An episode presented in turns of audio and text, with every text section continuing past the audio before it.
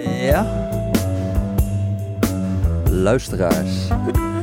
hallo, hallo lieve vrienden. Ja, daar zijn we weer. Eh, met de Rudy en Freddy Show. En tegenover mij zit een eh, wel heel bijzondere gast.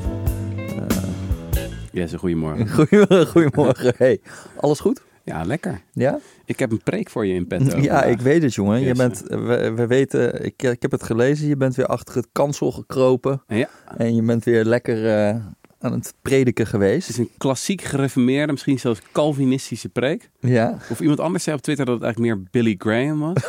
ja, dat, is dit, dat, zijn van die, dat zijn van die gelddominees, toch? Uit Amerika? of ja, niet? ja, ja, ja, ja. Nou, Calvinisme zei... Calvijn zei van, ja, je bent gewoon verdorven. Uh-huh. eh, en de verlossing kan alleen van boven komen. Mijn Nou. boodschap zei, je deugt wel, maar het kan nog, kan nog wel een stuk beter. Kan nog een tandje, Ehm, tandje beter. Dus eh, de meeste mensen deugen, maar je bent niet goed zoals je bent. Dat, Nee, is, dat nee. is de korte Ja, samenvatting. ik vond dat dus wel echt een lekkere titel. Nee, je bent niet goed zoals je bent, heet het stuk. Eh, ja, het is, eh, het is een knallertje.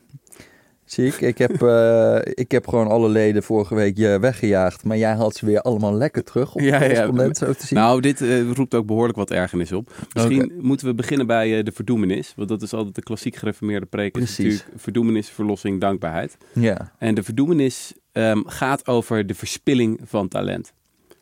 Ik dacht dat is misschien wel een aardig framework om, een, om eens naar onze tijd te kijken. Mhm. Zoveel slimme, getalenteerde mensen die dingen doen die misschien niet altijd slecht zijn of ja, actief de wereld een slechtere plek maken. Maar ja, misschien een beetje jammer. In de zin van, het had veel beter gekund. We Mhm. hebben natuurlijk eerder in de podcast uitgebreid gehad over het beroemde concept van David Graeber en zijn bullshit jobs. Mhm. Eh, Graeber is eh, vorig jaar of twee jaar geleden overleden. Ehm, hij had altijd het idee van er zijn heel veel mensen met banen die eigenlijk niet belangrijk zijn. Ehm, de bullshit job is belangrijk om te definiëren. Dat is een baan waarvan degene zelf zegt: ik voeg eigenlijk niks toe. Ehm, ik, ik, ja, ik creëer niks van maatschappelijke waarde. En Graeber had altijd schattingen van dat kan wel der- 30, 40, 50 procent van de beroepsbevolking zijn. Mhm. Eh, we weten inmiddels dat dat veel lager is. Eh, Robert Duur en Max van Lent, twee Nederlandse top-economen, mag ik wel zeggen. Die hebben een hele mooie studie gedaan en daar bleek dat het ongeveer 8% van de beroepsbevolking is in eh, rijke westerse landen. Nog steeds best veel natuurlijk. Als je Mhm. dat heb je nog steeds over honderdduizenden mensen. Eh, en nog eens 17% die twijfelt aan het nut van zijn of haar werk. Mhm. Dus dat is natuurlijk al een hele categorie van verspilling van talent, waar we het in deze podcast al vaker over hebben gehad. Ehm, Ik vind het altijd wel een beetje moeilijk. Het is gewoon van, dus als jij wel het zinvol vindt wat je doet, maar het is niet zinvol. Ik denk dat er een hoop, Mhm. hoop makelaars zijn, eh, aankoopmakelaars, die het dan, die het dan heel zinvol vinden wat ze doen. ja, ja. Maar het is eigenlijk ook gewoon een, een soort van zinloos tolpoortje dat je misschien gewoon kan vervangen met een handzame we- website. Precies, precies. Ah, kijk, Dus het was natuurlijk wel een ingenieuze, ingenieuze truc van Graeber. Want ja, een beetje om dat soort discussies te vermijden van wat is nou zinvol, wat voegt wat toe. Zeiden van ja, wat nou als mensen het zelf zeggen over een baan, dan is het wel heel moeilijk om vervolgens te zeggen, nee, het is toch wel heel belangrijk wat je doet. Ja, je ja, maar ik ja. ben het met je eens. En het sluit wel aan bij iets wat in het moderne kantoorleven natuurlijk zit. Dat oeverloos met elkaar zitten vergaderen en zo. En dat je dan inderdaad wel het gevoel hebt van wat ben ik nu eigenlijk aan het doen. Ja, inderdaad. Ja. Ja, in die zin raakt het ook een snaar in de tijd. ja, ja. ja. Ehm, nou is er nog een andere categorie waar economen het al langer over hebben. En dat zijn de zogenoemde sin industries. Mhm. Eh, en dat is misschien nog een duidelijker voorbeeld van verspilling van talent. Mhm. Dus sin industries, dat zijn eigenlijk mensen die geld verdienen aan ja, de wereld wel echt een lelijkere plek maken. Mensen ziek maken bijvoorbeeld. Klassiek eh, voorbeeld is natuurlijk de tabaksindustrie. Eh, de gokindustrie wordt er vaak onder geschaard. Meeste ook de wapenindustrie. Nou kan je zeggen met de oorlog in Oekraïne ja, is de wapenindustrie in ieder geval die voor de goede kant produceert, is dat nou zo slecht? Dus je blijft een beetje natuurlijk zitten met dat soort morele oordelen. ja. Maar ik denk dat we in ieder geval voor de tabaksindustrie kunnen zeggen van, ja, is niet oké. Het Mhm. is toch een beetje zonde als je daar je talent... Stel je bent afgestudeerd aan een mooie universiteit in de communicatie of de marketing of het management en weet ik wat allemaal. Mhm. En je gaat bij Philip Morris werken aan een rookvrije toekomst. Ja, dat staat toch niet zo fraai. Nee, ik denk niet dat je dan op je sterfbed zegt van... nou, dat is toch machtig mooi wat ik allemaal heb bijgedragen. Mhm. Nou is er vaak nog wel een laagje van purpose... dat er dan wordt gegoten over dit soort bedrijven. Dus ook als je naar de website van Philip Morris gaat... dan kan je allemaal mooie dingen lezen over... ja, en dat wij werken aan een rookvrije toekomst. Mhm. Ehm, Maar ja, de vraag is hoe geloofwaardig dat nou is. En Maar wat is nou interessant? Er zijn wat studies die laten zien dat er een ehm, eh, correlatie lijkt te zijn eh, tussen wat je verdient en hoe immoreel je werk er is. Dus er was een hele grappige Zwitserse stu- studie die ik tegenkwam. Mhm. Hadden ze gevraagd aan, aan allerlei proefpersonen van... oké, wat vind je van verschillende bedrijfs, bedrijfstakken? Zeg maar op de schaal van goed en slecht. En Mhm. vervolgens hadden ze dat geplot eh, met het gemiddelde loon in die industrieën. En dan zie je toch een aardig mooi lijntje. Ik weet, correlatie is geen causatie. Mhm. Maar het is toch suggestief. Dat inderdaad dan rechtsboven in de grafiek... hoog loon, behoorlijk immoreel, zit dan de tabaksindustrie... En eh, ja, hele sympathieke dingen als... eh, Maar dan, maar, dan, maar dan gaat het toch juist goed. Dan kun je toch juist gewoon zeggen: oké, mensen vinden het immoreel. Dus het heeft een soort van statusbelasting. Dus Ja. stel dat je hele baan bestaat uit loon plus status. ja, En dan heb je een hele lage status als je bij tabak moet. Dus dan moet je gewoon meer loon gaan betalen als tabaksindustrie. Ja. Anders dan krijg je geen mensen. ja, precies. Dus, dus eigenlijk maak je, die, maak je die tabaksindustrie gewoon veel moeilijker. Doordat het zo'n lage status heeft. Om mensen, om talent aan te trekken. Precies. Ik denk dat je dat ook ziet bij zeg maar de shells van deze wereld en zo. Die ook een beetje in dat, in dat hokje komen. En ik denk dat het voor een cliëntele nog misschien niet zo heel veel uitmaakt. Maar voor hun personeelsbeleid wel heel veel. Ja, ja, ja, ja. Status is denk ik wel het kernwoord hier. Daar moeten we nog op terugkomen in deze podcast. Want dat Mhm. is, ja, heel veel mensen willen gewoon iets doen ja, waarmee ze status krijgen. En dat hoeft niet per se geld te zijn. Dat kan het zijn. Weet je, het kan een, een corner office zijn en een mooie fancy titel en een dikke auto. Maar het kan natuurlijk ook wat anders zijn. Mhm. En inderdaad, die statusbelasting voor bijvoorbeeld de tabaksindustrie, die zou ik dus omhoog willen krijgen. En wellicht dat je daar ook met dit soort stukken aan bij kan dragen. Dat het gewoon meer het shamen is van die vormen van verspilling van talent. Zorg ervoor dat die belasting omhoog gaat. Dat de tabaksindustrie nog meer moet betalen om, om talent in dienst te nemen.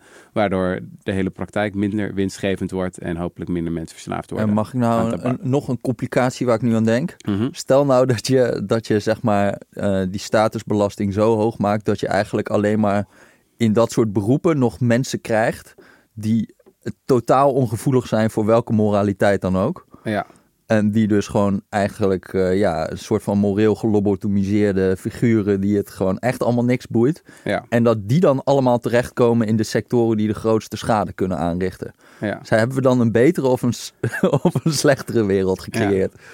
Ja, dat is wel een goed punt. Kijk, dit stuk dat ik heb geschreven is erg geïnspireerd door de beweging van het effectief altruïsme. We hebben eerder een podcast daarover gemaakt, vorig jaar. Eh, effectief altruïsten die willen goed doen in deze wereld Mhm. en ze willen dat zo effectief mogelijk doen. Weet je, je kan wat eh, een euro geven aan de Blinde Geleidehondenstichting in Nederland, dat is hartstikke mooi.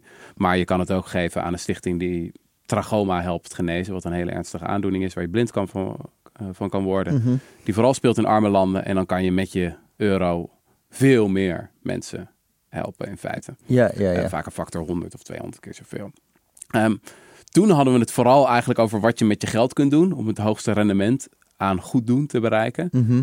Nu zouden we het ook kunnen hebben over wat je met je tijd kunt doen. Want je zou kunnen zeggen, tijd is je ultieme schaarse goed. Mhm. En in die zin is je carrièrekeuze, ja, wat voor baan je doet, is een van de belangrijkste morele beslissingen van je leven. Mhm.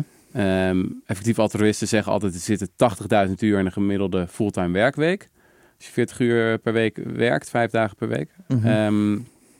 Nou, dat is eh 10.000 werkdagen, dat is 2000 werkweken.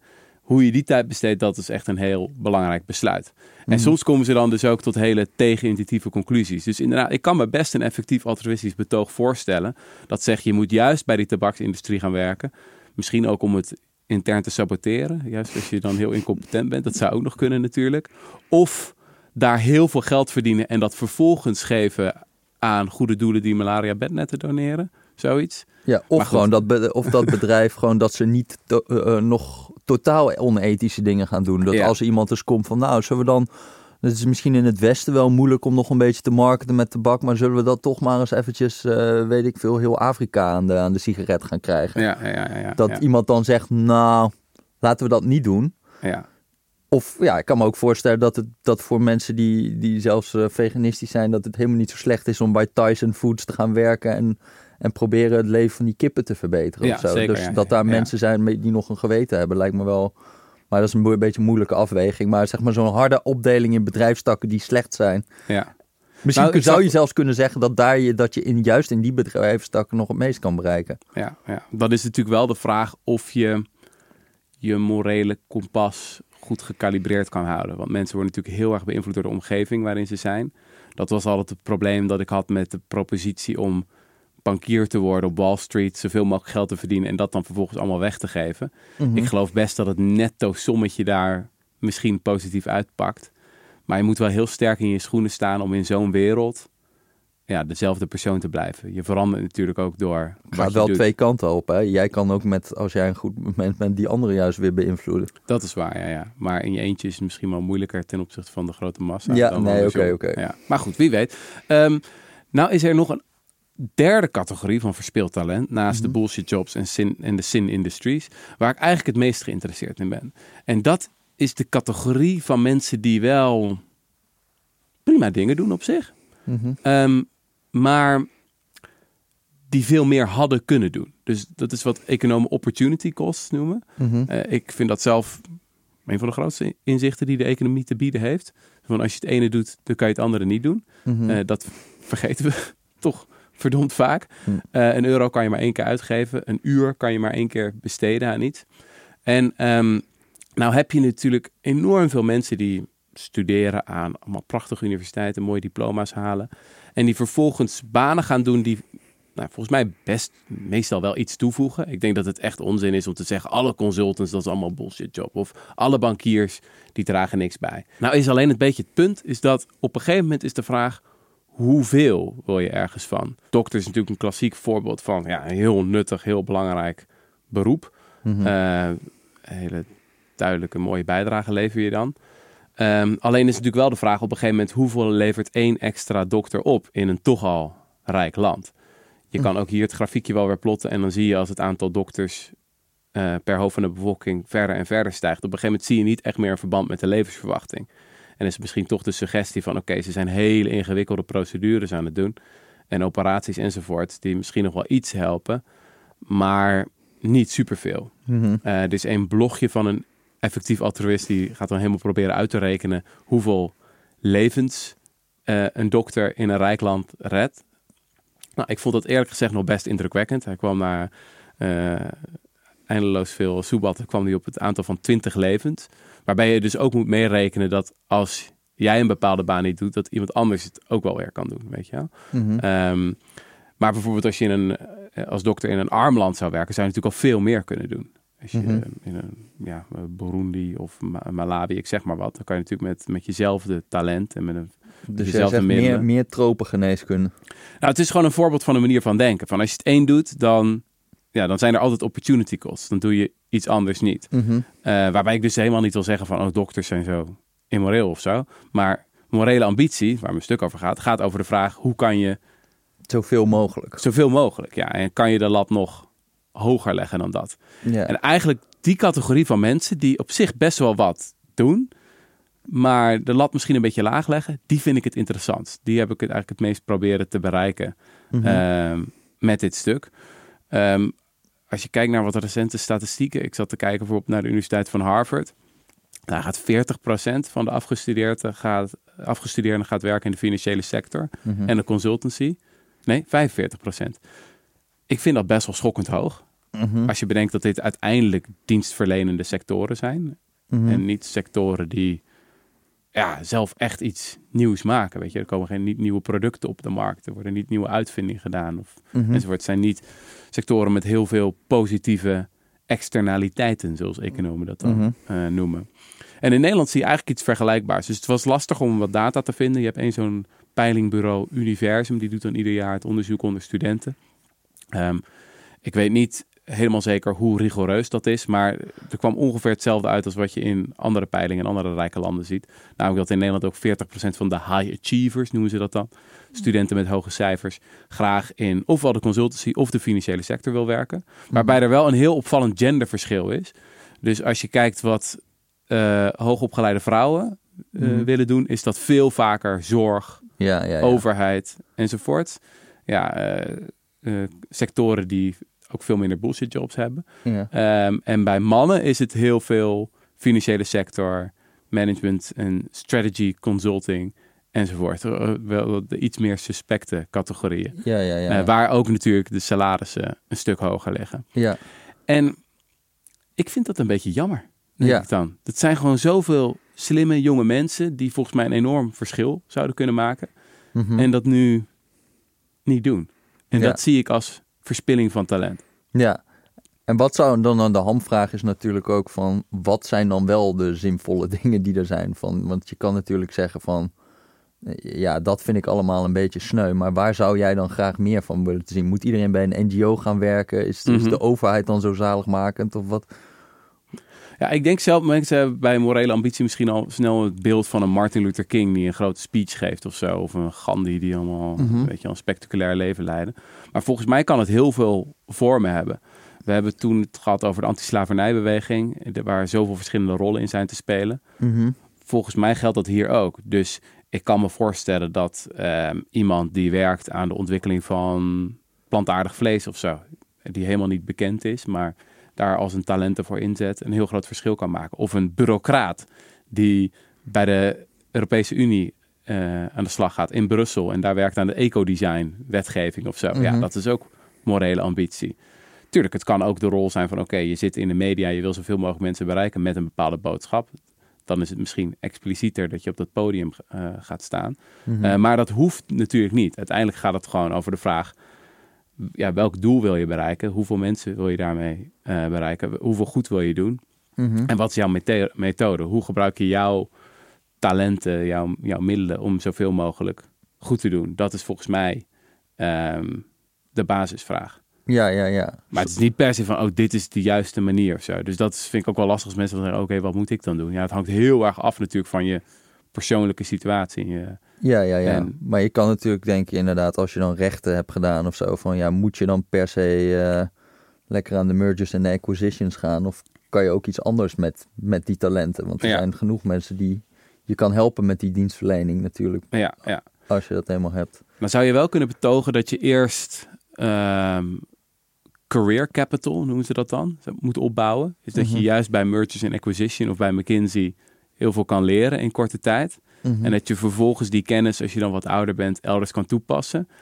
Dan heb je wel weer dat risico natuurlijk van, oké, ben je vijf, tien jaar later, heb je nog steeds dezelfde idealen als je eerder had. Mhm. Dus dan is het denk ik wel goed om je te proberen om jezelf op een bepaalde manier te binden. Mhm. Eh, wat commitments te doen, wat beloftes te doen. Of je het omgeven met mensen om je heen die dezelfde idealen hebben. Dan is het denk ik al een stuk makkelijker. Daar gaat volgens mij die beweging van het effectief altruïsme ook over. Zo van, oké, je hebt allemaal vrienden die hetzelfde hebben. Eh, dan wordt het een stuk makkelijker. Mhm. Ehm, maar ik vond het nog wel aardig om, om even in te zoomen op wat volgens mij een soort van de, de twee uitgangspunten hier zijn. Mhm. Ehm, namelijk het eerste besef is dat we echt op- ontzettend geprivilegeerd zijn. Mhm. Mensen in rijke westerse landen. En zeker als je hoog opgeleid bent. Het, zowel qua tijd ben je echt krankzinnig geprivilegeerd. Ja, dat spreekt voor zich natuurlijk. We hebben ontzettend veel vooruitgang geboekt in de afgelopen twee eeuwen. We zijn rijker, gezonder, eh, noem maar, maar op, Mhm. dan ooit. Ehm, maar ook echt qua inkomen, dat blijft gewoon zo verbluffend. Ehm, ik zat dat grafiekje ook voor dit stuk weer te bekijken. Mhm. Dat een modale Nederlander behoort tot de rijkste 3,5% van de wereldbevolking. Een hoogopgeleide Nederlander behoort tot de rijkste 2% van de wereldbevolking. Mhm. Nou, dan gaan mensen heel vaak sputteren. Dan zeggen ze, ja, maar je kan eh, met een euro superveel kopen in, ehm, in Malawi of in Namibië of weet ik veel wat. Weet je wel, daar kan je in het beste restaurant eten voor, voor 10 dollar.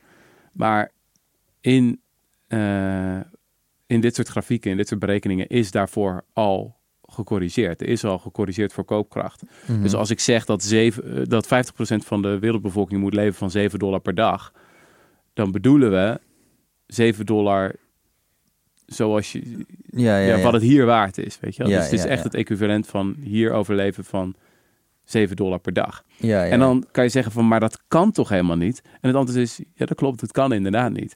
Eén. Eén probleem is dat er in arme landen een markt is voor producten van extreem slechte kwaliteit die hier niet eens verkocht mogen worden. Mhm. Of waar dat er überhaupt niet verkocht Nou ja, niemand ze wil een kopen. Krottenwijk, dat eh, voldoet ook niet helemaal aan de bouwcodes hier. Precies, ja, ja. Het is gewoon niet op de markt. Of gewoon zulk slecht kwaliteit voedsel dat het ook hier niet langs de voedselinspectie komt. Ja. Dat speelt natuurlijk een rol. Ehm, en wat een rol speelt, is dat inderdaad mensen eh, eh, leven in een veel slechtere gezondheid en veel vaker doodgaan. Dus als je het bijvoorbeeld hebt over extreme armoede. Ik zag uh, één studie over dat mensen dan gemiddeld leven van op 1400 calorieën per dag. Ja, dat is krankzinnig. Dat is ja. echt krankzinnig. En heel veel ja, kinderen worden dan ook niet um, uh, ja, volgroeid, hebben ja. allerlei groeiproblemen. Dat vond ik ook wel iets wat ik zat te denken afgelopen tijd met dat we allemaal denken van oké, mensen kunnen hun stroomrekening niet betalen. Mhm. En denk je, ja zeker, dat is heel erg. Maar pak een beet, wat is het? Een miljard van de wereldbevolking heeft überhaupt geen stroomrekening. Want Ja. heeft geen toegang Ja, ja, tot stroom. Uh, Ja. Maar Dat is ook altijd zo'n bizar ding van dat de, een van de grote dingen die vroegtijdige sterfte veroorzaakt is indoor cooking. oh, ja, ja, dus dat ze dan gewoon nog op met, met hout of met steenkool of zo gewoon hun, hun, hun, hun eten koken. Ja, Waardoor je gewoon allerlei longziektes en, eh, en ja, de slechte lucht, waardoor je, waardoor je heel snel doodgaat. ja. ja, en dat is veel ernstiger dan iets als klimaatverandering bijvoorbeeld in arme landen. Dat heeft veel Ja, of al een aantal doden in ieder geval nu nog wel, ja. Ja, ja. Ja, Nee, dat vind ik ook altijd lastig als mensen zeggen van klimaatverandering wordt heel erg. En dan gaan vooral mensen in het zuiden van de wereld gaan heel erg onder lijden. zij gaan Dan- nu heel erg dood aan energietekort. Ja. Ja. dan denk ik, ze gaan nu al heel erg dood aan, ja, aan een gebrek aan economische groei en een gebrek aan welvaart. Het is een soort van suggestie dat de ellende in de toekomst ligt, terwijl de ellende Mhm. is nu gewoon aan de gang. En dan ja, we hebben vooruitgang geboekt. Ja, de kindersterfte is fors afgenomen. Mhm. Ja, de extreme armoede is fors afgenomen. Maar extreme armoede is van minder dan, wat is het, 2 dollar per dag leven. En nog steeds is 85% van de wereldbevolking die leeft van minder dan 30 dollar per dag. ja. Nou, de Nederlandse armoedegrens ligt onder, ligt rond iets van 35, 36 dollar per dag. Mhm. Weet je, dus de Nederlandse armoedegrens is hoger dan wat 85% van de wereldbevolking te besteden heeft. Gecorrigeerd voor koopkracht. Dus ja. dat, dat echt tot je door laten dringen van hoe vreselijk geprivilegeerd we zijn. Als je een beetje uitzoomt en naar het mondiale plaatje kijkt. ja. Dat is volgens mij wel echt een soort van hele cruciale eerste stap. Die Ja. zelfs aan de linkerkant van het politieke spectrum heel vaak niet wordt gezet. Nou, moet ik ook zeggen dat ik ook al gelijk iets, iets eh, verkeerd voel met het soort van relativeren van armoede. Mhm. Door, door te wijzen op dat er dan nog veel armere mensen zijn. ja, zeker. van, ja, ja, Ik snap het wel, ik snap het punt wel, Mhm. maar het is gewoon, het voelt wel zo van, nou, we hebben een energiecrisis, ja, maar kijk eens hoe het, hoe het, hoe het, ja, eh, hoe het nog veel erger kan of zo. Ja, dat is ook gewoon niet een soort van eh, winnende politieke strategie, laat ik het zo zeggen. ja. Dat is echt het risico inderdaad, van dat het zo overkomt. Mhm. Je zou het op een manier willen framen van ja, het is heel erg dat mensen in, ik zeg maar, de Schilderswijk hun energierekening niet kunnen betalen. En dat is een grove schande voor een rijk land als Nederland. Mhm. En ja, het is verschrikkelijk wat er in Ter Apel gebeurt. Mhm. En we moeten ons diep, diep schamen dat we zo vluchtelingen behandelen. Mhm. Aan de andere kant dacht ik ook de hele tijd bij die beelden in Ter Apel bijvoorbeeld van hoe kan het nou dat we ons pas druk gaan maken over vluchtelingen als ze op een grasveldje voor Ter Apel liggen, weet je? Ja, dat Zelfs- is niet heel IE. Nee, nee. En zelfs zoveel linkse mensen doen dat. Eh, je hebt eh, een, zo'n filosoof, John Rawls, die ken je wel, van eh, Mhm. Theory of Justice. Mhm. Dat is zo'n klassieker in links sociaal-democratische kringen. Die heeft zo'n gedachte-experiment over hoe een rechtvaardige wereld eruit ziet. Mhm. En dan zegt hij, stel je voor dat je moet nadenken over een wereld, maar je weet nog niet ehm, wie je zou worden in die wereld. Mhm. Dus ja, je zit nog achter de sluier van onwetendheid. Mhm. En je kan van alles worden. Je kan een arm iemand worden, je kan een rijk iemand worden, je kan man worden, je kan vrouwen, je kan eh, hetero, je kan homo worden, enzovoort, Mhm. enzovoort. Hoe zou je dan willen dat de wereld eruit ziet? Mhm. En dan kwam hij tot de conclusie van, nou ja, eh, ongelijkheid is in principe gerechtvaardigd, maar alleen als ook de allerarmsten ervan profiteren. Mhm. Wat ik altijd het, het raarste vond aan die hele Rawlsiaanse theorie, is dat het alleen over landen ging. Dus hij had het alleen maar over ja, wat er binnen de natiestaat moest, gebeuren, moest gebeuren. Mhm. Terwijl het voor mij zo obvious is dat ja, als je naar het internationale plaatje kijkt, dan heeft zo'n manier van kijken echt Ja. super radicale consequenties. Ik bedoel, wij hebben zoveel geluk dat we toevallig zijn geboren aan het begin van de 21ste eeuw, of, of leven in de 21ste eeuw, en, en bij die 2, 3 procent horen. Had Ja, ja, natuurlijk zo makkelijk anders gekund. En dat heeft naar mijn idee hele verstrekkende morele consequenties over Ja, ja, wat dat dan betekent wat je moet doen. Ik zat ook die serie Poldermokroos te kijken. Dat is op de NPO. Ja, vond ik echt leuk om, leuk om te kijken. Maar dan denk ik ook elke keer... Of het, het, het soort van... eh, Nou, dat heb ik niet heel veel, maar het ontroert me wel een beetje gewoon van dat je je kan voorstellen dat zo'n zo'n jongen die dan homofiel is, dat hij dan gewoon in Nederland kan leven in plaats van dat hij dan in Marokko in zo'n echt een verschrikkelijk kutleven zou hebben. Ja. En dan vind ik gewoon, ik, dat snap ik ook gewoon, ja, daar heb ik toch echt onbegrip voor, voor mensen die zo, zo zeg maar, dat vind ik echt egoïstisch als je, als je, als je zo tegen migratie bent. Ja. Dat je je eigen belangetje over dat jij het vervelend vindt om af en toe een hoofddoekje te zien of dat mensen een beetje rare opvattingen hebben. Ja. Dat je dat zo, laat, zo belangrijk maakt Ja, ja, ten opzichte van dat jij mensen die gewoon echt een, echt een klote leven zouden hebben met heel veel armoede. Hoeveel, hoe, hoe groot hun welvaartssprong kan zijn als ze gewoon hierheen kunnen komen. Economen zijn ook heel erg pro-migratie daarom. Ja, doorgaans, toch? Ehm, omdat inderdaad het salaris gaat zo fors omhoog als je met jouw talenten in een rijk land woont. Mhm. Factor 10 of zo. Ja. Terwijl het land zelf, ja, er zijn sommige studies die suggereren dat lokaal er wat negatieve effecten kunnen zijn.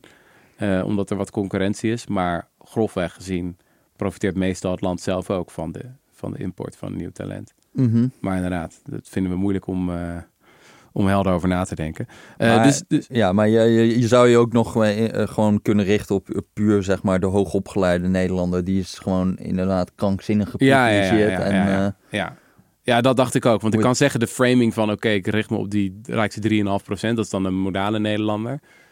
Maar inderdaad, misschien is het nog effectiever... om te focussen op die 2, 3, 4 keer modale Nederlander. ja, dat, nou ja, dan neemt gewoon je verantwoordelijkheid wel steeds meer toe, zeg. Maar ja, ja, precies.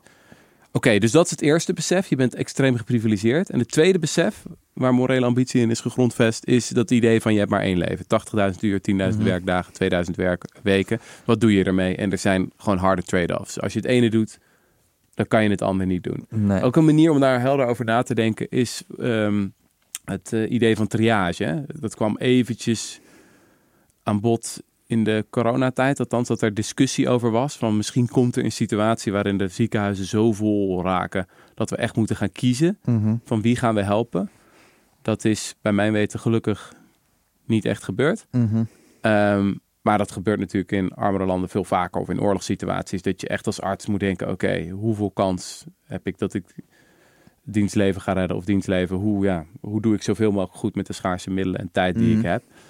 En hier is het punt van de effectief altruïst: is dat we de hele tijd, altijd, voortdurend in die situatie leven. Mhm. Dus dat je voortdurend eh, in een situatie van triage leeft, waarin je ja, dus hele harde beslissingen moet nemen. Waarbij je niet zegt dat het, dat het ene niet waardig is of zo.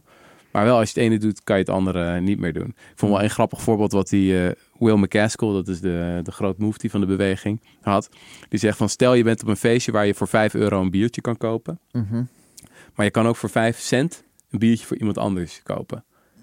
Mhm. Nou, dan zou je best gul worden waarschijnlijk. En zeggen, ja, nog een rondje en nog een rondje, weet je wel. Mhm. Maar eigenlijk zitten we op mondiaal niveau zitten we in die situatie. Dat we met relatief beperkte middelen dus, dus heel veel eh, goed kunnen doen. Nou is het interessante dat die ehm, beweging hè, van, van die mensen die zo denken... dat was in eerste instantie bestond het vooral uit echt, ik zweer, rare types. ja. Dus je komt er superveel mensen tegen die dan bijvoorbeeld een nier hebben gedoneerd. ja. Die hebben dan een of andere be- berekening dat de kans dat zij sterven tijdens de operatie waarin ze een nier, een- want je hebt er twee natuurlijk, en eh, een nier doneren is dan weet ik veel kans op 1, 3, op 3000, 1 op 4000.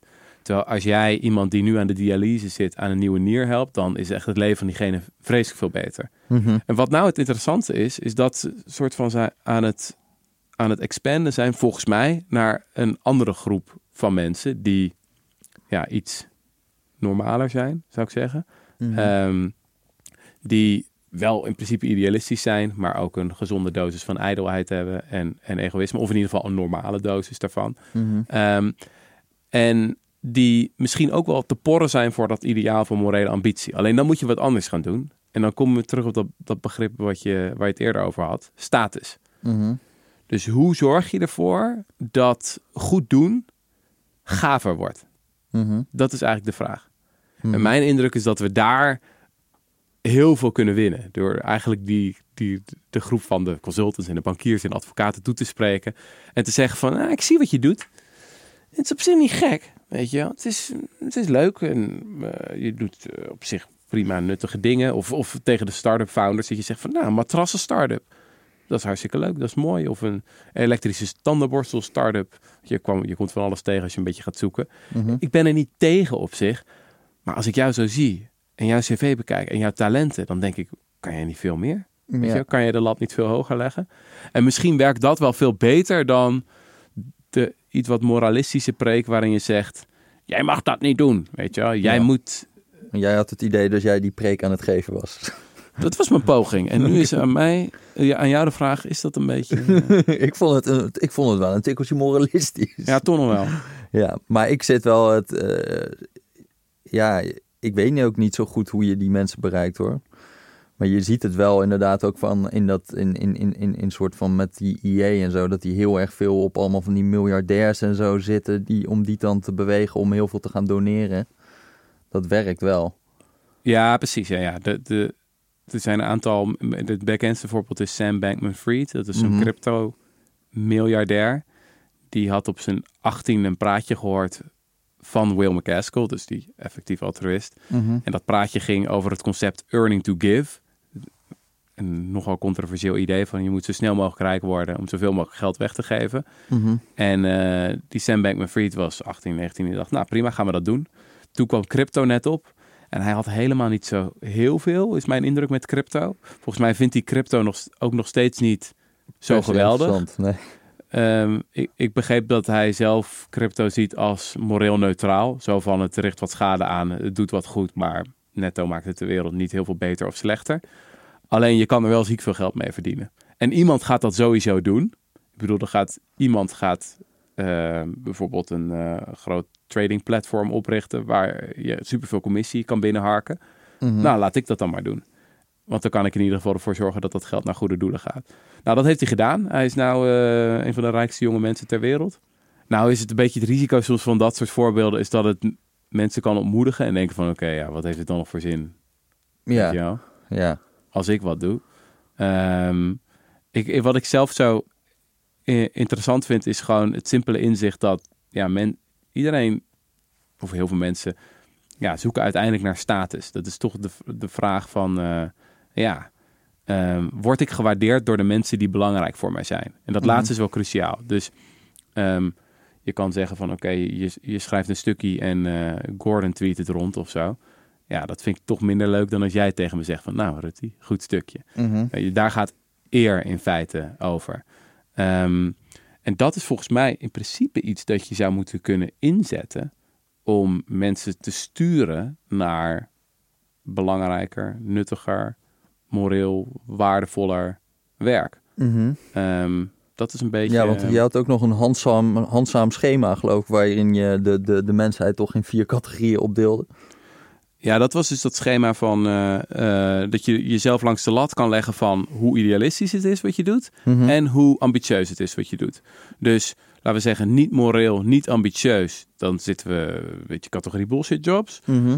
Ehm, niet moreel, wel ambitieus, zit je bij de categorie heel veel tech startup founders, eh, consultancy, advocatuur, bankiers. Ehm, niet ambitieus, wel idealistisch, wel moreel gedreven. Dan zit je misschien bij heel veel modern activisme. Mhm. Ehm, ik vind het altijd opmerkelijk dat soort van het hoogste ideaal van een goed leven tegenwoordig lijkt te zijn dat je zo min mogelijk impact hebt. Mhm. Ik zelf misschien ook wel een beetje aan bijgedragen. Dus dat je het heel veel discussieert over mag je nog wel vliegen? Mag je nog wel vlees eten? Mag je überhaupt nog wel kinderen krijgen? Mag je nog wel plastic rietjes gebruiken, et cetera, et cetera?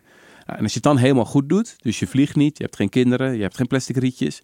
In het beste scenario had je dan net zo goed niet kunnen bestaan. Want je hebt helemaal geen impact. Want je leeft Ja, is dat niet een beetje unfair dat zij dat dan natuurlijk ook gewoon, eh, zeg maar, dat dat gewoon eh, je ook veel geloofwaardiger maakt als jij kritiek wil hebben op anderen, dat je dan ook maar eens begint met gewoon je eigen impact te minimaliseren. Ik bedoel, jij bent ja, toch ook Ja. veganistisch, je zou ook een soort redenering kunnen ophouden van, ja, ik beschrijf toch hele goe- goede stukken die veel meer mensen bereiken, dus waarom zou ik überhaupt nog veganistisch zijn? Ja. ja, dat denk ik wel. Dus practice what you preach is in die zin heel belangrijk. Maar dan is de redenering hierachter is toch van, omdat jij dan uiteindelijk een groter effect hebt op andere mensen. Dus het is niet zozeer, hoe zeg je dat, jouw persoonlijke individuele consumptiebeslissing die het belangrijkste is. Het is Mhm. uiteindelijk toch ehm, hoe je dat uitdraagt. Dus bijvoorbeeld iemand die zijn idealen heel erg voor zichzelf houdt, weet je, die zelf Mhm. in zijn tiny house op de huis zit, veganistisch te eten en dat niet communiceert naar anderen, ja, dat is niet heel moreel ambitieus. Ja, ja, ja. En dat lijkt mij, mijn gevoel is dat dat wel een, hoe zeg je dat, een trend is. Is dat niet minder, niet gewoon, misschien wel dat zij... Het is vooral verkeerd gericht of zo, zou ik het zeggen. Toch zo, sommige van dat, van dat activisme de, is niet dat ik dan denk van... God, die zijn niet ambitieus of zo. Als je, je jezelf gaat vastlijmen aan vattenval... Ja, Ja, dan ben je wel echt even... Ja, ik zou het niet zo snel doen, weet je Nee. wel. Maar Nee. ja, Vattenfall heeft gewoon een enorm offshore windpark gebouwd. Dus om je nou aan dat energiebedrijf vast te, te lijmen... is gewoon niet zo goed gekozen, vind ik dan. ja. Maar het punt is natuurlijk dat we zijn het er allebei over eens. Natuurlijk kan activisme heel effectief zijn. Natuurlijk in bepaalde situaties is je ergens aan vastlassen, Ja, kan iets bijdragen. Ehm, soms is het probleem misschien alleen dat dat het eindpunt lijkt te zijn geworden. Eh, Dat het bewustzijn op zichzelf al iets heel goeds is. Maar uiteindelijk is er niet heel erg goed nagedacht over de vraag... hoe gaan we het grootst mogelijke verschil maken met Mhm. onze beperkte tijd, Mhm, energie en middelen. mhm. Ehm, dat is misschien ook wel een probleem van veel moderne protestbewegingen. Is dat we heel goed zijn geworden in iets trending krijgen. In heel veel aandacht krijgen. Texas, Texas, Texas kan je zo roepen, weet je wel. En dan, dan ben je heel even Ja. overal. Maar het is natuurlijk veel moeilijker om ook echt eh, een belastingwet te doorgronden. Ik vind altijd dat, dat iedereen best wel conformistisch is en dat ze dan denken van oké, dat is iets wat iedereen aan het doen is, dus dat ga ik ook doen. Ja, maar ja, het is juist veel waardevoller vaak om gewoon op te zoeken van oké, wat mist dit om echt effectief te zijn of zo? wat is het ingrediënt dat er nu nodig is? Van we, we hebben nu het bewustzijn over klimaatverandering. Oké, is ook eigenlijk iemand eh, nu al wat eh, veganistische burgers aan het maken? ja, precies. ja, ja. of is er nu al iemand bezig met van hoe we dat in wetten gaan eh, verankeren allemaal? Ja, effectief altruïsten hebben wel een aardig framework om na te denken over hoe je dus die 80.000 uur kan besteden. Zij noemen dat scope, tractability en neglectedness. Dus scope is eigenlijk de eerste simpele vraag, hoe groot is een probleem? Ja. Ehm, Armoede in Nederland is heel erg, maar extreme armoede in armere landen is nog veel erger. Ja. Dus misschien is het logisch om op dat laatste eer- eerst te focussen. Zeker omdat maar heel weinig mensen dat doen. Ten Mhm. opzichte van hoeveel mensen al focussen op armoede in rijke landen. Mhm. Hetzelfde geldt bijvoorbeeld voor dierenwelzijn. Als je kijkt naar hoeveel donaties er gaan naar asiel eh, voor, eh, eh, hoe noem je dat? Asiel voor honden en katten, zo heet Mhm. het toch? Eh, ja, daar gaat superveel geld naartoe. Terwijl er heel weinig geld gaat naar het bestrijden van de bio-industrie. Terwijl Mhm. er veel meer dieren lijden in de bio-industrie. Mhm. Dus ook daar, als je weer in economen termen hierover nadenkt, wat is de impact, de marginale impact van jouw extra uur of extra dollar Mhm. of extra euro?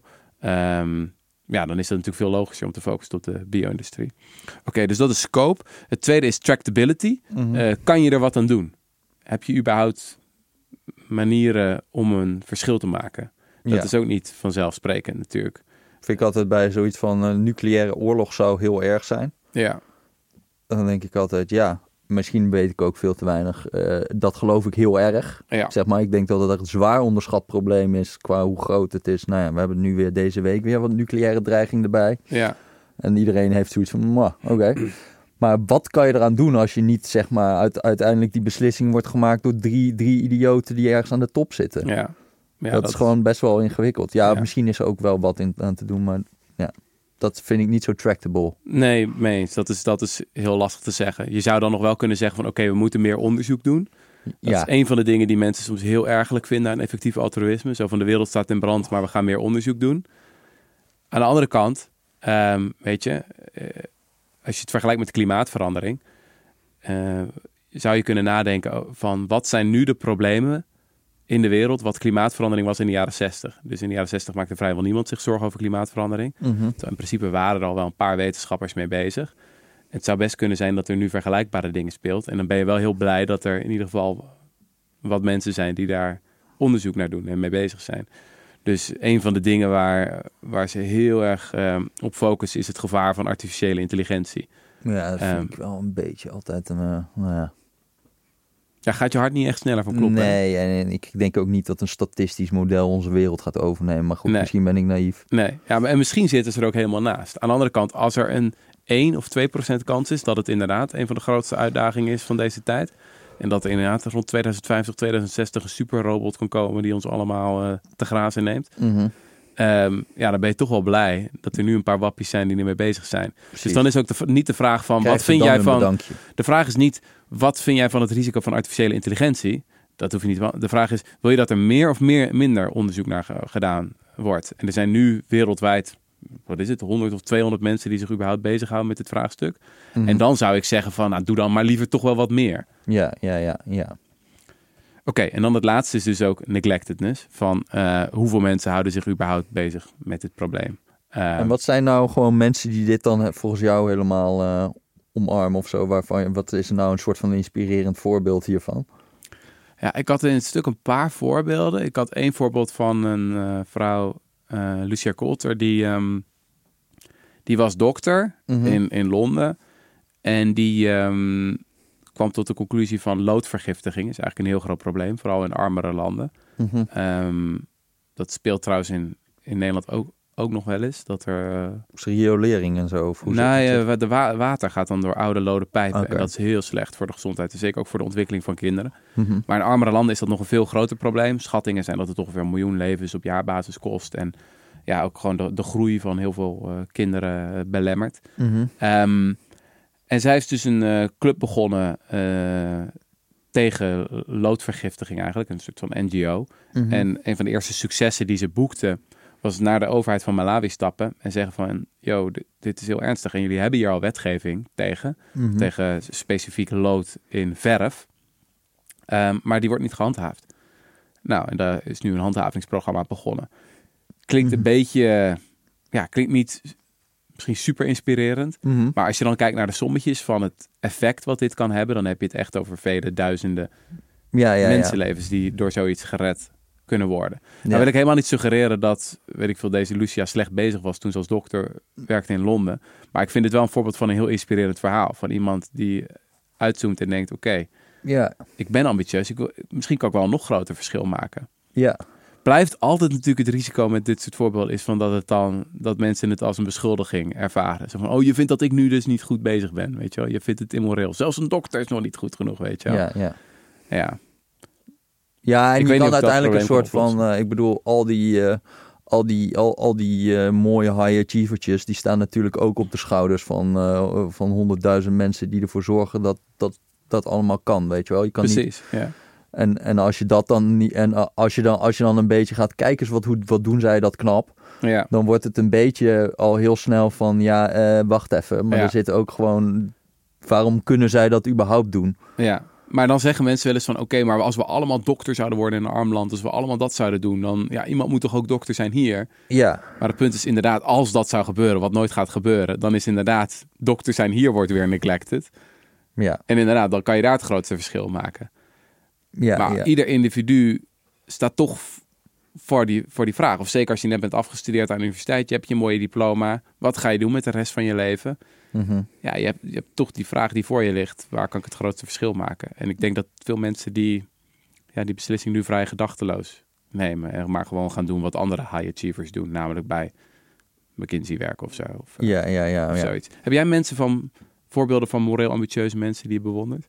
Ik vond altijd Ralph Nader heel erg gaaf. Gewoon, eh, Wie is dat? die is op een gegeven moment wel een beetje ontspoord hoor. Maar eh, ja, die, die- dat was dus een soort van. eh, een, in de tijd was hij dan advocaat. En hij begon op een In gegeven Amerika, moment. toch? In Amerika. En hij begon allemaal. hij heeft toen een boek geschreven, Unsafe at Any Speed. En dat ging eigenlijk over Amerikaanse auto's die waren gebouwd op een manier dat er gewoon extreem veel verkeersslachtoffers vielen. Ja. Door die, door gewoon, ja, het verhaal helemaal niet, geen, geen, geen veiligheidsriem, weet ik veel wat, zat er nog niet eens in. En ze werden ook gebouwd dat je echt iemand kon spiezen op allerlei leuke esthetische dingen die daarop zaten. Mhm. En hij heeft eigenlijk voor gezorgd dat die, eh, dat, er, dat het gewoon, eh, dat je daar de Federal Highway Administration nog wat, nou ja, in ieder geval dat er ook een heleboel veiligheids eh, eisen in de auto's kwamen. Want in die tijd was het ook echt zo dat extreem veel jonge mensen gewoon doodgingen voortijdig doordat ze door verkeersongevallen. En dat Hmm. is sindsdien echt tien keer minder, geloof ik. En, en niet alleen dat, hij zat ook nog bij de Clean Air Act. Dus de soort van wetgeving voor, eh, eh, nou ja, de, allemaal de minder fijnstof en, Ja. en zwavel en weet ik veel. Wat ook heel veel levensjaren Wat ook extreem veel, dus die smog en zo, dat Ja. dat langzaam allemaal verdwijnt. Nou ja, dat vind ik ook wel echt eh, heel erg goed. Ja, maar op van is, hij deed dat niet alleen. Hij had een soort van heel legertje, toch? Ja, op een ze- gegeven moment ging hij dus, had hij, had hij geloof ik Neders Raiders, werden Ja. die genoemd. En toen had hij gewoon allerlei mensen van eh, allemaal van die topscholen. En die zei die van eh, tegen vijf studenten of zo, gaan jullie eens even een rapport schrijven over eh, deze en deze toezichthouder en of die zijn werk wel doet. Ja, En die kwamen dan, en die waren dan gewoon mensen van eh, 20 of, eh, of zo. En die hadden dan zo'n rapport geschreven en die werden uitgenodigd in de Senaat daar. Om even uit te leggen van eh, hoe ze het toch allemaal verkeerd deden Ja. daar eh, bij zo'n maar dat is toch een voorbeeld. Zou dat niet vet zijn als we zoiets in Nederland hebben? Gewoon een beetje Ja, ja, ja. ik vond Neders dat Raiders en dan naar Nederlands model. Dus allemaal eh, slimme pipo's die van eh, de universiteiten komen. Ja, En die geven we dan dan een basisinkomen. consultancy gaan doen eigenlijk. Ja, die gaan eigenlijk een soort van activistische consultancy doen. Ja. eh, om... eh, Ja, ja, want hij gebruikte dus zo'n... Op een gegeven moment had hij ook status. En dan kon- kreeg hij ook wel deuren geopend van... eh, dat, dat al die studenten ook met allemaal mensen daar konden spreken. En weet ik het allemaal. oh ja. En met senatoren. En Ja. dus het was wel... eh, Ja. Nou, wat mij er ook aan aanspreekt, het zijn echt een soort van bureaucratische soldaten. Weet je wel? Dus het is niet van, oké, we gaan eh, vooral protesteren en dingen op Twitter slingeren en zo. Wat ook een rol kan hebben, maar dit voorbeeld gaat Nou ja, meer wat, van... wat, wat we, we duiken echt diep de wetgeving in en de, diep de bureaucratie in. En we gaan kijken waar we daar het verschil kunnen maken. ja, ja, ja. Oké, Jess, en nou moeten we volgens mij eindigen in een eh, oproep. Oh ja. ehm, aan de luisteraars van de Rudy en Freddy Show. Zijn Ja. heel benieuwd wat jullie eh, morele ambitie is. Eh, dat kan je natuurlijk eh, ons kenbaar maken. Oh ja? Mailen op uh, Rudy en Freddy Show, wij horen het graag. Oké. Dat was hem wel zo'n beetje, Jess? Ja, zeker. Oké, toedeledokies. Tabé.